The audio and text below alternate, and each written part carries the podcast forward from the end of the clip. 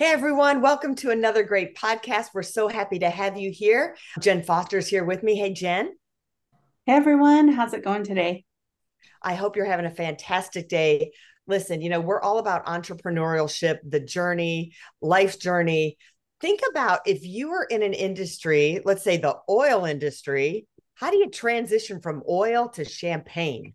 Holy cow, that's a big different types of oil, right? I mean, that's like a lot more fun, make you feel good. So we are really thankful we have entrepreneur Matthew Massey with us today. He is the founder and starter of Champagne Madame Zéro. So not only are we going to talk about like a healthier way to have champagne today, but we're going to talk about how do you start a company from ground up, come up with the idea, and just walk us through those steps and really what is the hustle to get there. Matthew, thanks so much for joining us today.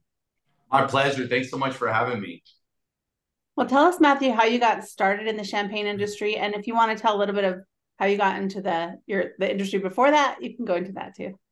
Absolutely. So, you know, I grew up in Galveston with a lot of love, but not a lot of money, and very kind of organic background on the growing up on the beach there. Hospitality is a natural transition when you're you really when you're growing up. You know, when you're looking to purchase that first car. So ultimately, I started off in the in the valet business actually. That was one of my jobs after initially starting out with some early days roles around 15 years old in the restaurants. I moved into valet which is my dream job. I love vehicles. Everyone always asks how i got into champagne i say you know sandra bullock in a bentley led me there led me there. One time i had sandra bullock came come in about three months into this valet career and she was it was my turn to valet. I ended up taking their luggage up to the room they wanted to go downtown. And subsequently, I took them in the Bentley, and with no incident, everything went great. But when I came back, turned those keys in, I thought that it was going to be a night where you know I'd get a great compliment, but ultimately it got back that I took the Bentley. I didn't have insurance on the car. There was no manager working that night, so that was the first and only job I got fired from. And oh, ultimately, you know, with that, it really led me directly into the hospitality industry where I started working with a little Italian restaurant. I learned to know everything about, I could about Italian wines. And that was really how I was going to be able to afford that first vehicle was to learn and sell great wines. Segue that really into moving to Houston, getting my education, moved toward working with a wine distributor. And my best friend in, in parallel was working on his master sommelier at the time. And him and I both decided, you know, growing up in Galveston, not being able to travel, really due to funds growing up, we decided we wanted to see all the great terroirs of the wine world. But really quickly, I concluded after interviewing with these wine companies, uh, these wine distribution companies, that um, ultimately the biggest challenge was the amount of hours worked and the pay. And I decided that oil and gas was really going to be the right route for me. So from there, I really I worked for about a year and a half to try to find the right role. All the roles that I did in oil and gas were essentially focused on international business. And that's how I was able to continue this exploration of my passion, which ultimately is the world of wine. So from South Africa to Italy, which is where my, my best friend, the, the gent that was studying for that master som, it's where he has property now in, Piemonte. They're in, in, in, the beautiful land of Barbera and Barbaresco. And ultimately, I spent about 10 years focused in on Champagne as I was doing business, you know, really in and out of France. So, you know, that's ultimately what drove me in that direction is this passion for wine, this business that really was able to help fuel my travels, which is international business in oil and gas. And ultimately, I made that segue full time as I say, I retired from oil and gas to work two to three times as much about six months ago. So, how do you go from idea, like, you know, you come up with this idea about a new type of champagne and explain to us, you know, exactly what Champagne Madame Zéro is and how you came up with the concept to start to make those first steps to make it a reality? So, one of the interesting things is this really started off as a passion project. There's 319 villages in Champagne, and I wanted to focus in on singularity and really understanding each of the individual villages. So this wasn't something I was trying to commercialize or turn into a business from day one. I really was just, you know, essentially a, a champagne you know, really an enthusiast. And I really wanted to understand the different terroirs. And that really led me into understanding and appreciating really the art of quality, precision, and singularity. So I got about three years into this journey and decided that there was really nothing in the market that really had the right style, the right level of quality. And then me personally, I'm big into fitness and nutrition. I wanted to get away from uh, any additives, particularly around the sugars. And the only way really to do this was to do a, a very focused and very unique project and you know that really led into it really led into looking at a lot of the different aspects that you do as an entrepreneur to ensure that you know you're going to have a sound commercial model uh, that you can get mm-hmm. all the pieces of the project right which you have to be involved in every part of the process in order you know to ensure that you have you know excellent execution but at the same time there's always going to be challenges that you're able to refine with time. Yeah and so you said so six months ago is when you finally just started focusing on champagne only. How was that transition? Like how did you were, was it just like overnight or did it take a while to be like okay this is the day that it's going to be where i don't do gas and oil anymore? Yeah it's a great question because people don't really think about the overlap because this was one of the most challenging periods of my life. Working a full-time vice president job for a year and a half in parallel hiring a team scaling the business working in and out of france you know, trying to manage it all, it, and it, it was mm-hmm. very daunting. But you know, I did that for a year and a, nearly a year and a half with the product in the market. I did it for several years before we came into market, and it really heightened to the point of early this year, early in the year. It, it, it I, I could just tell it was time, and it was just really challenging to manage balance and the business needed me so much that it, it required a lot of travel, which is what I'm doing right now. A lot of travel out of my home city here as we grow the brand. So with any business, you can always tell you're always bursting at the seams when you need to hire a new employee. Every hour that goes by, you know you need that employee. In my business, every hour that went by, I knew that it needed those probably 80 plus hours a week of me as opposed to getting you know, potentially a fraction of that at certain periods. So when you're launching a product, tell us, do you have a marketing plan? Are you been playing it by ear and kind of organically seeing what you have to do? Or what is your strategy for advertising, marketing the product?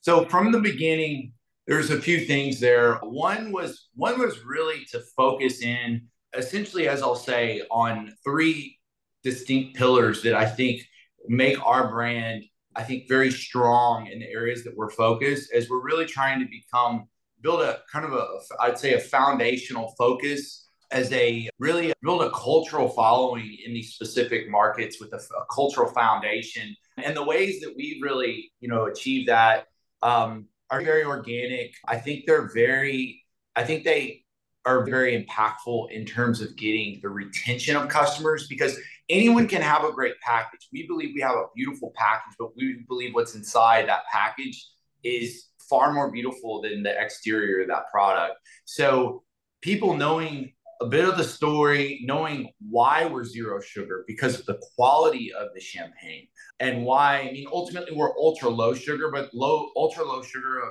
0.3 grams for our Blanc de Blanc. It's lower carbs, lower calories but it mm-hmm. doesn't really just come down to that. It's all about the quality, the aging four times longer than normal champagne, where we grow the fruit, the age of the vines. There's a lot of layers to essentially developing this level of quality. So the focus has been on these pillars of really focusing in on our retail partners with having an exceptional team that can do that does tastings very much on a regular basis and from an organic standpoint introduces the product. There's also a lot of our phenomenal restaurant partners, and we have some of the, the most amazing restaurant partners that have supported us through this journey, both fine dining and some that aren't as upscale. Uh, but we, you know, building the relationship with the staffs, continuing the training, having the very best training in the industry for the staff members, having them introduce the champagne night after night. You know, that's really what has resonated. And and, you know, and then there's other pillars to marketing. You know, uh, there's also the, the exterior pillars of looking at specifically at PR over billboard advertising, over this big brand advertising where you just get, you're either going to get a one-off selection of that product where someone buys it just because they see it all the time and then they don't really know about it they only buy it for an occasion or maybe they don't ever buy it again so there's trying to not do what everybody else is doing but it, it takes a bit longer but that's how we've been able to get the velocity that we've gotten with clients from an ongoing standpoint continuing to buy the champagne but pr is very important for our brand um, so we are getting the word out there we're just not doing a, a, ton of traditional advertising. Champagne's an interesting space too because not everybody actually buys champagne. Just like with Lamborghinis and, and Ferraris, Rolls Royce, they're they're not doing their advertising on Instagram. People that are hmm. scrolling all day on Instagram are not the people that are really buying a, a premium craft champagne. It's just it's typically not the demographic we're actually we're heavily focused on. It'll be those people in maybe 10 or 15 years. So we you know we put emphasis on Instagram, but not over the top on Instagram. But there's mm-hmm. a lot of other marketing avenues such as influencers that you do have to focus on. So we we had out of the gate we had a marketing plan, but that plan has grown legs and it's like any business you've got to you've got to learn from your mistakes you got to pivot as quick as possible and you've got to always try new things and continue to do some there's some very much educated experimenting around different areas that potentially with marketing dollars that could potentially add value. You know, now we had our third champagne arrive. It's our grand vintage uh, a Tete de Cuvée, which is the top of our range, and that completes our range for wine dinners. So now we're doing a lot of these amazing wine dinners. So it's very organic, and that's probably that's the key word with what we're doing. It takes longer but we believe it has the most substance. So things like wine dinners, they really go a long way because they're people that truly appreciate both the food as well as the wine, or in our case, uh, mm-hmm. uh, the range of champagne. Yeah, I was going to ask you about the influencers because it's such a unique, um, you have a, such a unique demographic that if you have an influencer that's promoting and talking about your champagne, they really need to have a specific platform that they're on to reach the your ideal clients. So like you said, that most people that are your ideal clients are not scrolling Instagram or not scrolling TikTok. So that's really important to think about, you know, where are your people? So I love that you're doing the intimate, you know, wine dinners and having organic word of mouth advertising. I like that.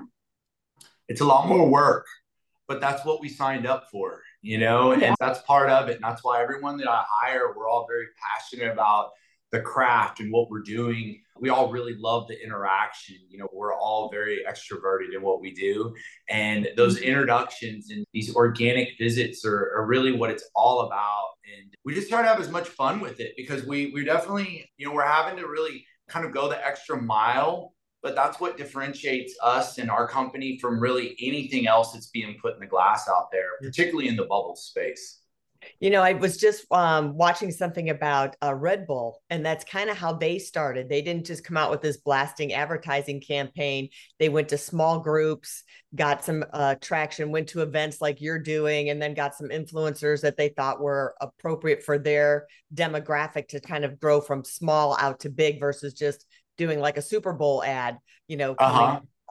And talk to us a little bit about. We have some other friends that are in this space and they struggle with getting distribution and shelf space. Have you been having any of the same struggles yourself?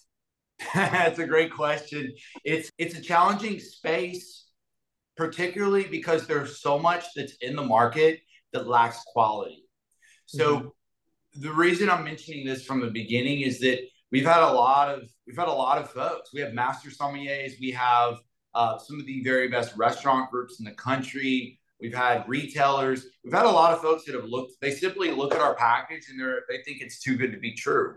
They think the story's too good to be true, and they ultimately decide that well, it takes a lot of prying actually to get in front of them.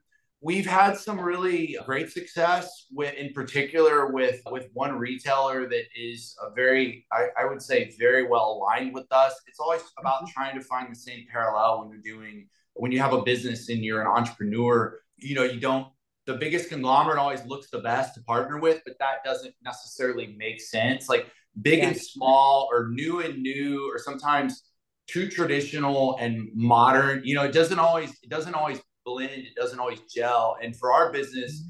you know, ultimately we found that the approach that central markets had and we have it's really just really a great marriage. You know, it's just worked out very well across Texas, you know, with our style and, and us being very hands on and the craft nature of our essentially of our wine versus, you know, a lot of the, you know, the big houses, they don't really want the conglomerate driven champagne that's blended from throughout champagne where they're adding in sugar. They, they really love the more artisanal style. They love the fact that our, our staff's present you know, from Houston to, to Southlake, Fort Worth, we have our team throughout Texas. So um, that's been one of our best partners. The wine and liquor store space is admittedly, it's been a bit challenging because, um, you know, there's a lot of stores. There's, that's a conglomerate driven space. And we've got some really nice partnerships that we have forged, both with some of the top wine shops in the, I would say, not only in the state, in the country, such as Pogo's in Dallas, um, but we also have some really great mom and pops like Rayada Wine Cellars here in Houston, you know, very boutique, very craft little wine shops that do an amazing job of telling the story because the story is what it's all about, not just being, you know, ultra low sugar. And then, you know, we have partnerships with some other liquor store retailers as well. You know, there's another big one that we're working with as well, but we're not throughout Texas with them. And that's currently Specs, where we have a program that, that kind of spans different cities and different pockets from Houston now to Dallas and Austin as well. Yeah, you said something earlier about how the story, it's all about the story. So have you ever thought about using a book to market your wine or your champagne? I haven't, but uh, my mom is always on me about, she's always on me about writing this book because she's, she consistently hears about my journey. Sometimes, like yeah. last night, I'm pulling up to dinner talking with her. Like she hears the ins and outs and she knows the ride. And uh, she's been, my mom's been riding with me every day, you know, forever. So she's, she knows all the chapters and she says yeah. you really should have a, you really need to write a book. And I'm like, okay, okay mom, we'll, we'll write a book, but we need to get, um, just get to that next level. yeah. We, let's well, we find next chapter to write about, you know, as we as we continue yeah. grow. So absolutely. yeah, we we have found that when you have a book, you can put it in the hands of those like those ideal clients that you want, right? Whether it's the restaurant owners or the or you know the you know there's a lot of marketing what are they called mastermind groups right so you can get into the you can send a book to the owner of like the genius network or whatever those big mastermind groups where everyone there is a, a millionaire so they'd be having private parties and all that so we found books really do help to uh-huh. market uh-huh. just a different Great way yeah, and, um, for the big box people, you know, sending it to them, they know your story ahead of time as well. Yeah. It's good. Yeah. Yeah. So, well, thanks for joining us today, Matthew. We met, and I just want to say I have tasted the champagne, and it's very good. I recommend Champagne Madame Zéro. I th- thought it was excellent, and I've tasted a lot of champagnes in my life and visited France several times. So, I mark it right up there in my top ten list of champagnes. So, tell people where they can find you and um, where they can get the champagne. Absolutely. So, in Houston, we have a really strong footprint as well as in Dallas. We're in about well, I'll say all in, we're in about 100 different establishments. So there's quite a, a, large list. So I will say madamezero.com is where to find all the locations. Just to highlight a few, you know, here in, in Houston, here locally, we're in some of our, our favorites, which really range from the likes of places such as uh, Brasserie 19, you, know, you have places such as Zante, Albee, you know, we're at some great new staples such as Bari and River Oaks District. And then the range goes from like the Post Oak Hotel and Mastro's on through Vic and Anthony's Steak Steakhouse. So we have quite a range, quite a few staples here throughout Houston. And then some of the really fun little lounges and bars such as Clarkwood, Best Regards. So there's quite a footprint here. And it's about 50, 50 large in Houston. And then in Dallas, we have a really nice range from, from places such as Drake's, which goes to uh, Tango Room, the Crescent Hotel, the Stoneleigh, the Warwick. You know, our list is is growing. Bob's Steakhouse, uh, but we have quite a few staples out there that we're really excited about in Dallas. And then continuing that momentum with Zaza, Hotel Zaza throughout Texas. They're a partner, you know, whether it be in Austin, here in Houston, as well as in Dallas. So, you know, really growing that footprint. There's other cities that we're moving into, like Six Twists in Fredericksburg We just moved into Sidebar down in McAllen, Texas. So we have some really unique staples, some great concepts that are, are a bit more satellite for us that we're working with as well. You might need to come to Texas to, to sample this. Yeah, I was going to say, No, have you moved into them. Utah? Have you gotten Uh, into we Park do, City? well, we do ship to over 40 states. So we, we are Yeah, okay. shipping throughout throughout the US. Uh, we do have several states that are um, up next that we're moving into. And we really got that great footprint going here in, in Texas. And then we're going to continue that momentum. But yeah, at madamezero.com, we have all of our different states listed as well as all the local, really, uh, I should say, all the Texas establishments listed as well, both retail as well as restaurants. Terrific. Ladies, it's been a pleasure. Thank you so much for your time. Thank you so much for having me. So we'll Yeah. post all this information in the show notes, right, Jenn? Yes. Yeah. All right. So if you want all this information, it'll be in the show notes. And thanks for coming, Matthew. And if you're looking to write a book, remember we make all our authors number one bestsellers. Reach out to us at eliteonlinepublishing.com. We can take you from blank page to a bestseller. We'll see you soon. Thanks for joining us. Have a fantastic week, everybody. Bye bye. Thank you. Bye bye. Hey, are you looking to increase your revenue, build credibility, and elevate your brand? This podcast is brought to you by Elite Online Publishing, an innovative publishing and full spectrum marketing company. They will publish and market your book to make it a number one bestseller. Becoming an author is the best way to market your business. So contact them at eliteonlinepublishing.com today. All of their authors become number one bestsellers.